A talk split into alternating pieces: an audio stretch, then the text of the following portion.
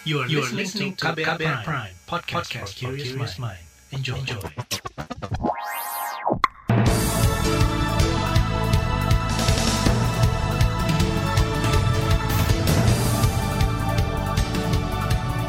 Selamat pagi saudara, senang sekali kami bisa menjumpai Anda kembali melalui program Buletin Pagi edisi Senin 15 November 2021 bersama saya Naomi Liandra. Sejumlah informasi pilihan telah kami siapkan di antaranya pemerintah ancam audit LSM usai polemik data deforestasi. Pemerintah beberkan upaya mitigasi gelombang 3 corona, kebakaran kilang minyak di Cilacap, Jawa Tengah tak ganggu pasokan BBM. Inilah Buletin Pagi selengkapnya terbaru di Buletin Pagi. Presiden Joko Widodo mengklaim laju deforestasi hutan Indonesia turun signifikan mencapai tingkat terendah dalam 20 tahun terakhir. Hal itu diungkapkan Kepala Negara dalam Konferensi Perubahan Iklim Perserikatan Bangsa-Bangsa COP26 pada awal bulan ini. Capaian nyata Indonesia di sektor kehutanan tidak terbantahkan. Pada tahun 2020, tingkat kebakaran hutan di Indonesia diminimalisir hingga 82 persen. Pada tahun 2019, penurunan emisi dari hutan dan tata guna lahan juga ditekan hingga 40,9 persen jika dibandingkan tahun 2015. Deforestasi hutan di Indonesia juga mencapai tingkat terendah dalam 20 tahun terakhir. Presiden Jokowi mengklaim Indonesia menempatkan aksi iklim dalam konteks pembangunan berkelanjutan, yakni dengan cara mempertimbangkan aspek lingkungan dengan ekonomi dan sosial serta kemitraan dengan masyarakat. Pada forum pemimpin dunia itu, Jokowi mengatakan program perhutanan sosial bertujuan untuk konservasi serta penghidupan masyarakat sekitar, mengingat lebih 30 persen dari seluruh desa di Indonesia berada di area kawasan hutan. Sementara itu, klaim Jokowi soal turunnya laju deforestasi dibantah oleh lembaga peduli lingkungan Greenpeace Indonesia. Greenpeace menyebut luasan lahan deforestasi dalam lima tahun terakhir masih tinggi yakni mencapai lebih dari 2 juta hektar atau setara dengan luas tiga kali luas Pulau Bali.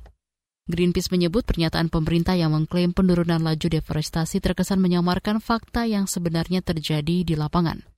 Tak hanya itu, Greenpeace menyebut sejumlah dampak deforestasi lahan hutan seperti hilangnya keanekaragaman hayati, bencana alam, emisi karbon, dan kesehatan masyarakat. Senada dengan Greenpeace, Wahana Lingkungan Hidup Indonesia Walhi menuding data pemerintah soal deforestasi di tanah air yang menurun merupakan informasi bohong. Manajer kampanye Walhi, Wahyu Perdana, mendorong pemerintah membuka seluruh data deforestasi sesungguhnya. Wahyu menegaskan LSM menggunakan data yang legal termasuk bersumber dari Badan Pusat Statistik dan Kementerian Lingkungan Hidup dan Kehutanan. Pemerintah lagi tidak terbuka betul-betul kondisi ter apa yang terjadi di lapangan. Tidak menyebut ada penambahan target batu bara, tidak menyebut seakan-akan semua pelepasan kawasan hutan untuk jalan atau deforestasi kebutuhan jalan enggak. Aktualnya nggak nyampe 10 persen angkanya itu dibandingkan hutan. Pemerintah juga nggak nyebut. Pemerintah tahu begitu ada 2,7 juta hektar kebun sawit dalam kawasan hutan secara tidak sah karena itu hasil audit BPK ya. Tapi yang halal begitu tidak disampaikan. Wahyu Perdana menambahkan LSM menyambut baik tantangan adu validasi data dengan pemerintah secara terbuka dan transparan. Ia menegaskan telah menyediakan data yang bebas akses melalui laman pantauLingkungan.id. Membantah dari LSM Peduli Lingkungan, Menteri Koordinator Maritim dan Investasi Luhut Binsar Panjaitan menegaskan klaim Presiden soal deforestasi sudah benar. Melalui siaran CNN Indonesia, Luhut menyebut data deforestasi diapresiasi sejumlah negara termasuk Amerika Serikat. Dia berani adu data dengan para pegiat lingkungan yang menepis klaim penurunan deforestasi era Jokowi. Ya ngakuin John Kerry aja ngakuin sendiri ke saya kok. Amerika itu ngakuin bahwa kita selama empat tahun terakhir itu deforestasi kita itu menurun sangat baik. Ya, saya sedih kadang-kadang negara-negara seperti gini nih mau selalu look down negara berkembang seperti kita. Mengarah sepertinya mereka yang paling benar. Ya saya bukan John Kerry aja yang kasih selamat kepada presiden. Tidak mungkinlah John Kerry itu hanya pakai data kita, kan dia pakai data internasional juga data mereka. Menko Marves Luhut Panjaitan menambahkan data soal deforestasi tidak bisa dimanipulasi karena terekam di satelit. Karenanya upaya mengaudit sejumlah organisasi non-pemerintah atau lembaga swadaya masyarakat akan ditempuh karena diduga penyebaran informasi keliru. Namun demikian, Luhut tak menjelaskan audit seperti apa yang akan dilakukan terhadap LSM tersebut. Selain ancaman audit, Ketua Greenpeace Indonesia Leonard Simanjuntak dan pemilik akun Twitter Kiki Taufik dilaporkan ke Polda Metro Jaya atas tuduhan dugaan penyebaran berita bohong dan ujaran kebencian atas nama antar golongan atau SARA. Pelapornya adalah Husin Sahab yang mengatasnamakan dirinya sebagai Sekjen Komite Pemberantasan Mafia Hukum atau KPMH. Dalam keterangannya, Husin merasa dirugikan atas informasi yang dia anggap menyesatkan di situs greenpeace.org. Husin menilai data yang disampaikan Greenpeace Indonesia terkait deforestasi tidak sesuai dengan fakta. Sementara itu, masyarakat anti korupsi Indonesia Maki menantang balik pemerintah untuk mengaudit lembaganya. Koordinator Maki, Boyamin Saiman, mengatakan jika pemerintah tidak mengaudit, maka akan diperkarakan di pengadilan. Ya, maka saya mencadangkan untuk mengajukan gugatan kepada Pak Luhut kalau dia wan prestasi, tidak sungguh-sungguh mengaudit LSM. Dan apalagi kalau nanti Maki rencana memang berkirim surat minta diaudit oleh Pak Luhut. Nah, bentuk keseriusan ini Pak Luhut juga harus serius, betul-betul harus melakukan audit terhadap Maki. Kalau tidak ya saya gugat ke PT UN sebagai ingkar janji gitu. Koordinator Maki Boyamin Sayuman menganggap audit ini bukan sebagai intervensi terhadap independensi LSM, melainkan bentuk saling menjaga sehingga independensi tetap terjaga, serta upaya meningkatkan kredibilitas. Atas kisru data antara pemerintah dan pegiat lingkungan, Dewan Perwakilan Rakyat mendorong agar keduanya adu validitas. Anggota Komisi Lingkungan Hidup dan Kehutanan DPR RI Bambang Purwanto meminta agar pemerintah tidak menyikapi bantahan LSM lingkungan dengan ancaman audit. Kalau menurut saya, sebaiknya adu data, fakta di lapangan seperti apa, sehingga ada koreksi. Kan kita ini membangun, kan tidak mesti harus benar terus. Tanpa menerima saran masukan dan kritikan, tentu kita akan keliru. Kalau ada yang melakukan mengkritisi kemudian diancam, nah itu kan nggak benar juga. Sebaiknya ya tanya mana datanya, tepatnya di mana-mana. Nah, itu yang yang benar. Anggota Komisi Lingkungan Hidup DPR RI Bambang Purwanto menambahkan, rencana audit LSM dianggap berlebihan dan ancaman terhadap kebebasan menyampaikan saran dan kritik. Politikus Demokrat ini khawatir sikap otoriter juga ditunjukkan pemerintah tatkala dikritik para legislator Senayan. Pemerintah beberkan upaya mitigasi gelombang 3 corona. Informasi selengkapnya hadir sesaat lagi, tetaplah di Buletin Pagi KBR. You're listening to KBR Pride, podcast for curious mind. Enjoy!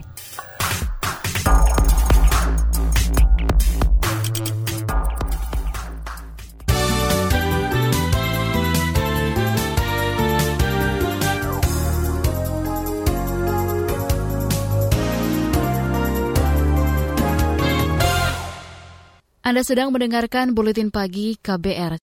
Pemerintah mencatat libur Natal dan Tahun Baru berpotensi menyebabkan lonjakan kasus COVID-19 sampai 10 persen dan memunculkan gelombang ketiga.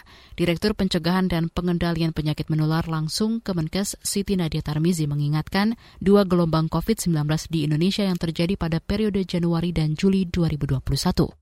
Akibat kelengahan terhadap protokol kesehatan dan munculnya varian Delta. Kenapa sih kita harus waspada terhadap gelombang ketiga? Karena banyak negara, kita lihat Amerika Serikat, kemudian Inggris, kemarin kita dengar Jerman ya, India pun ya sudah mulai naik nih kasusnya. Prancis ya, Singapura, Australia, itu yang dikatakan bahwa mereka sudah hampir vaksinasinya itu mendekati angka 60 sampai 70 persen. Seperti misalnya di Amerika, ternyata juga mengalami peningkatan kasus. Siti Nadia Tarmizi menambahkan, selain mengerem mobilitas, pemerintah juga memantau indikator laju penularan, di antaranya memonitor kasus di tiap kabupaten atau kota, mulai dari jumlah konfirmasi positif dan kematian hingga perawatan rumah sakit. Pemerintah juga memantau indikator kapasitas respons terkait pengetesan, penelusuran, dan perawatan pasien, serta capaian vaksinasi corona. Kita ke informasi lainnya. Jelang penyelenggaraan acara internasional yang diselenggarakan di tanah air, kepolisian mengantisipasi munculnya potensi kerawanan.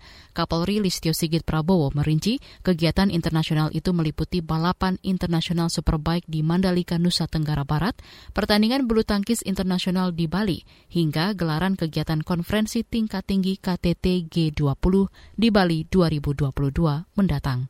Kegiatan-kegiatan tersebut memiliki potensi kerawanan akan Mas mulai dari terorisme, unjuk rasa skala besar, jatan konvensional, dan tentunya mobilisasi masyarakat yang tinggi yang tentunya harus kita jaga Karena apabila ini tidak bisa kita kendalikan, maka tentunya ini akan berdampak pada kredibilitas bangsa dan negara di mata dunia.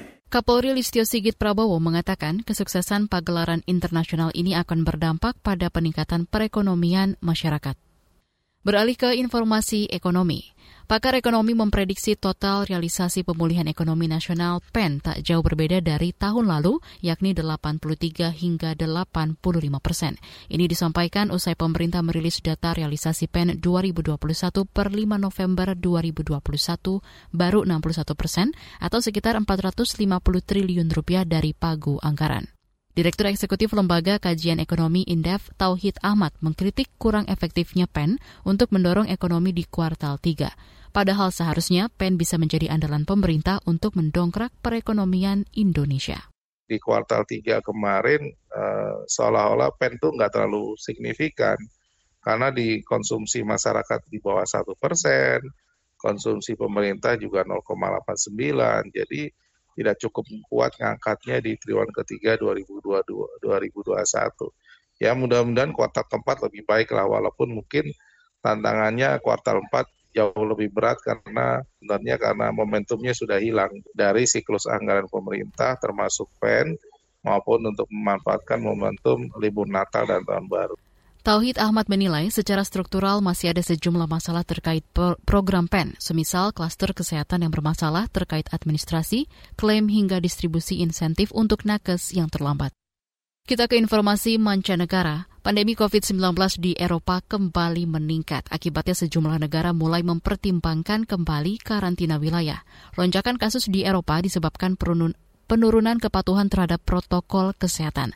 Hal itu diungkap Sekretaris Jenderal Kementerian Kesehatan RI Kunta Wibawa Nugraha. Ya, saat ini peningkatan kasus di tingkat global terus berlanjut. Meskipun di Indonesia sudah turun, tapi di global itu masih berlanjut. Terjadi kenaikan satu persen dibandingkan minggu sebelumnya dengan regional Eropa itu menjadi penyumbang terbanyak kasus baru minggu lalu. Ini PR kita bersama. Jadi kewaspadaan tetap menjadi uh, ini kita. Kalau kita lihat total kasus saat ini sudah mencapai lebih dari 240 juta, 249 juta dan kematian lebih dari 5 juta. Sekjen Kemenkes Kunta Wibawa Nugrah menuturkan lonjakan kasus itu didorong dengan masifnya penularan virus varian Delta yang mendominasi pelaporan hampir 100 persen dalam 60 hari terakhir. Padahal capaian vaksinasi lengkap di Eropa sudah tinggi. Beralih ke informasi olahraga. Para pebalap MotoGP memberi penghormatan terakhir untuk Valentino Rossi usai balapan MotoGP Valencia 2021. Usai balapan MotoGP Valencia 2021 yang dimenangi Francesco Bagnaia, seluruh pembalap MotoGP berhenti di salah satu tikungan sirkuit Ricardo Tormo untuk mengucapkan salam perpisahan kepada Rossi. Rossi pensiun dari MotoGP setelah 26 musim berkarir di ajang Grand Prix. Total 9 gelar juara dunia direbut The Doctor. Usai pensiun, Rossi membuka opsi untuk beralih ke balapan mobil. Ia sempat mempertimbangkan ikut serta dalam ajang balap mobil touring di Jerman. Di bagian berikutnya kami hadirkan laporan khas KBR bertajuk Toleransi yang Mengakar di Ciampea. Nantikan sesaat lagi. You're listening to KBR Pride, podcast for curious mind. Enjoy!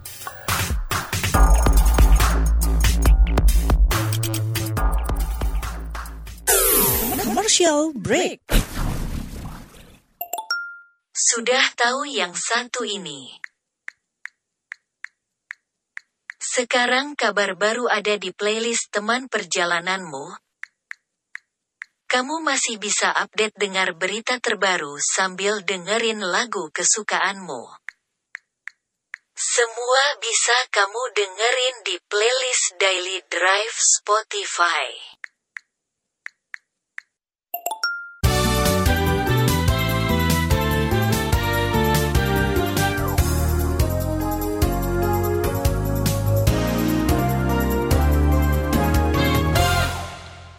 Anda masih bersama kami di Buletin Pagi KBR. April 2021 lalu, kepolisian mengungkap bahwa Desa Ciampea Bogor, Jawa Barat menjadi target lokasi uji coba pengeboman oleh kelompok teroris. Beruntung rencana itu gagal karena terduga pelaku berhasil diringkus aparat. Upaya tersebut disinyalir bertujuan mengoyak kerukunan di Ciampea yang sudah terpatri sejak puluhan tahun. Kultur toleransi di sana tercermin dari keberadaan rumah-rumah ibadah berbagai agama yang letaknya berdekatan. Ada pula SD Budi Bakti, tempat nilai kebinekaan diajarkan sejak dini. Jurnalis KBR R. Fadli mencari tahu bagaimana warga Ciampea merawat kerukunan. Suatu pagi di SD Budi Bakti, siswa kelas 4 sedang menyimak penjelasan guru. Isinya soal bagaimana sikap saling menghormati sesama teman. Ya, agama dan suku. Agama itu ada berapa di Indonesia? Sekolah ini ada di Desa Ciampea, Kabupaten Bogor, Jawa Barat.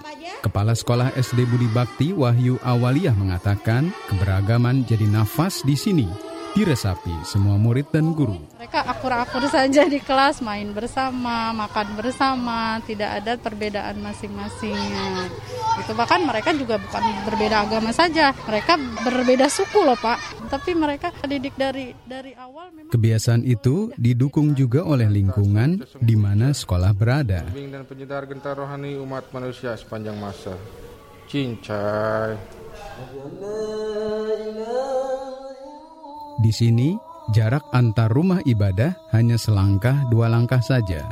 Kelenteng Hoktek Bio, Gereja Kristus Ciampea, Vihara Karona Budi, dan Masjid Nurut Takwa.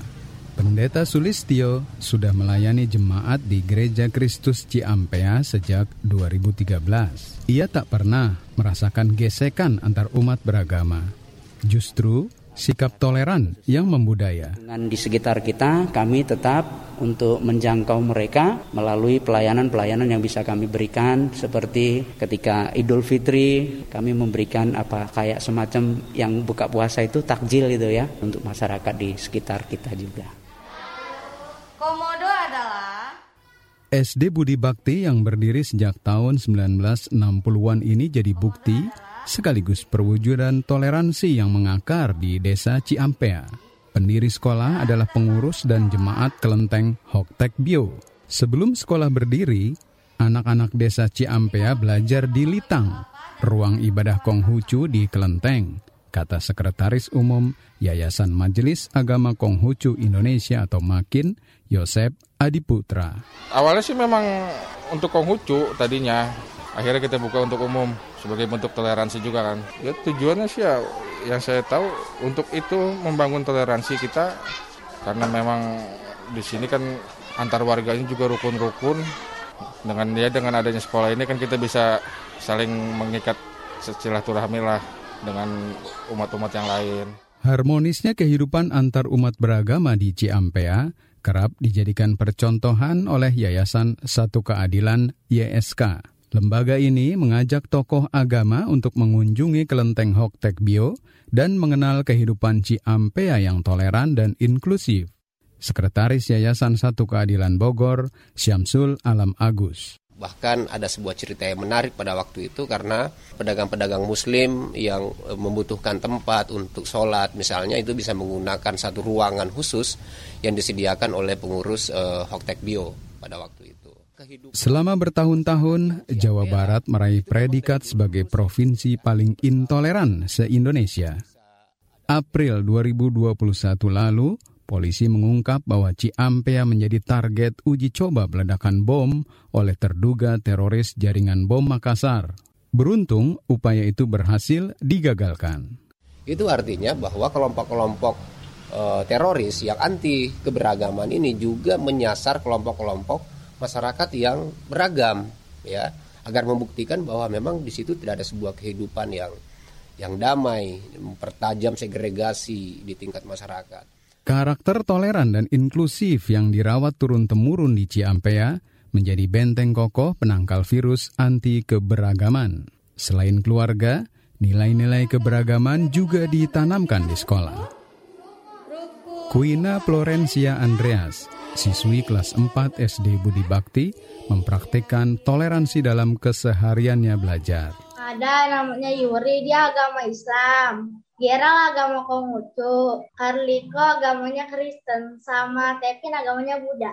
Nah, aku mau main sama siapa aja yang beda agama. Senang. Teman-temannya mau temenin aku walaupun beda agama. Kalangan guru seperti Metiani Wulandari berkomitmen terus mengajarkan sikap toleran sejak dini. Sebab para siswa ini nantinya akan menjadi pilar-pilar keberagaman di Ciampea. Saya menginginkan anak-anak lebih saling menghargai, saling kerjasama, saling membantu, tidak pernah pilih-pilih. Temannya sama seagama aja, saya tidak pengen seperti itu. Saya inginnya dia lebih bersama-sama gitu Pak saling menghargai, saling...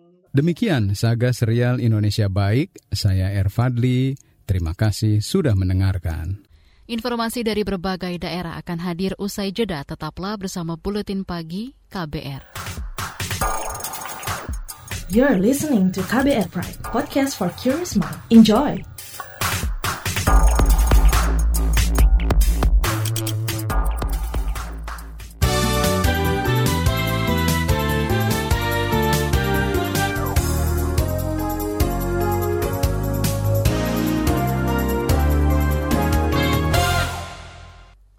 Inilah bagian akhir buletin pagi KBR.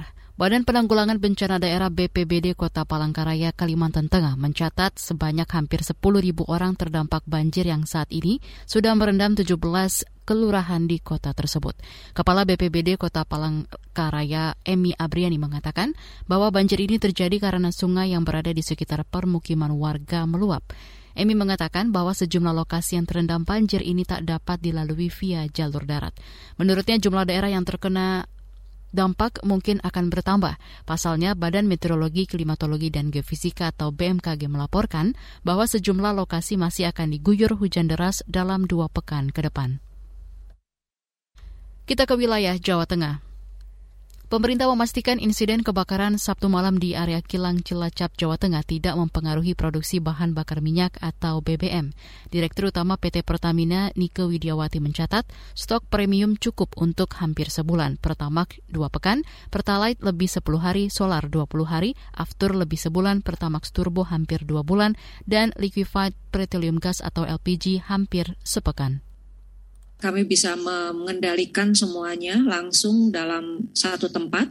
Jadi selain memantau proses pemadaman, juga kita mengecek langsung kondisi kilang dan dipastikan bahwa dengan terbakarnya satu tangki dari 228 tangki yang ada di Cilacap, kilang tetap beroperasi. Jadi tidak ada shutdown, sehingga tidak berpengaruh terhadap perencanaan produksi. Nika Widiawati memastikan pendistribusian BBM akan berlangsung seperti biasa, baik di Jawa Tengah maupun sebagian Jawa Barat cakupan wilayah kilang tersebut. Sementara itu, Basarnas Cilacap mengumumkan kebakaran kilang yang terjadi Sabtu lalu di Picu Sambaran Petir. Kepala Kantor Basarnas Cilacap, Inyoman Sidakarya menjelaskan, kilang yang terbakar berisi BBM jenis Pertalite. Dia memastikan kebakaran hanya terjadi di satu tangki dan tidak menjalar ke tangki lainnya. Sebanyak 80 orang yang tinggal di sekitar lokasi sempat diungsikan ke masjid dan balai desa untuk mengantisipasi memburuknya keadaan. Dari Jawa Tengah kita ke Jawa Timur. Dua desa di Kabupaten Banyuwangi, Jawa Timur menjadi model desa ramah perempuan dan peduli anak. Desa tersebut adalah Desa Kepundungan dan Desa Watu Kebo. Menteri Pemberdayaan Perempuan dan Perlindungan Anak Bintang Puspayoga mengatakan program ini mendorong optimalisasi peran perempuan di dalam keluarga serta pembangunan desa. Melalui pelatihan kepemimpinan perempuan di desa kita kembangkan. Yang tergabung dalam sekolah perempuan kemudian yang dilatih dalam pelatihan kepemimpinan perempuan. Mudah-mudahan apa yang menjadi PR kita yang bertahun-tahun ini tidak pernah meningkat ya baik de, de, terkait dengan indeks pemberdayaan gender, indeks pembangunan gender dengan gerakan bersama Menteri Bintang Puspayoga juga menegaskan Desa Ramah Perempuan dan Peduli Anak ini juga berperan penting dalam mengentaskan permasalahan perempuan dan anak dari hulu hingga hilir.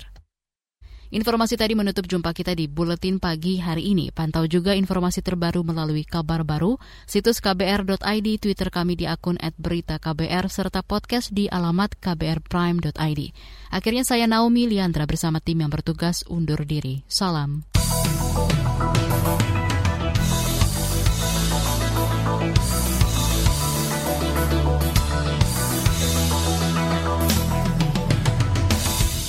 KBR Prime, cara asik mendengar berita.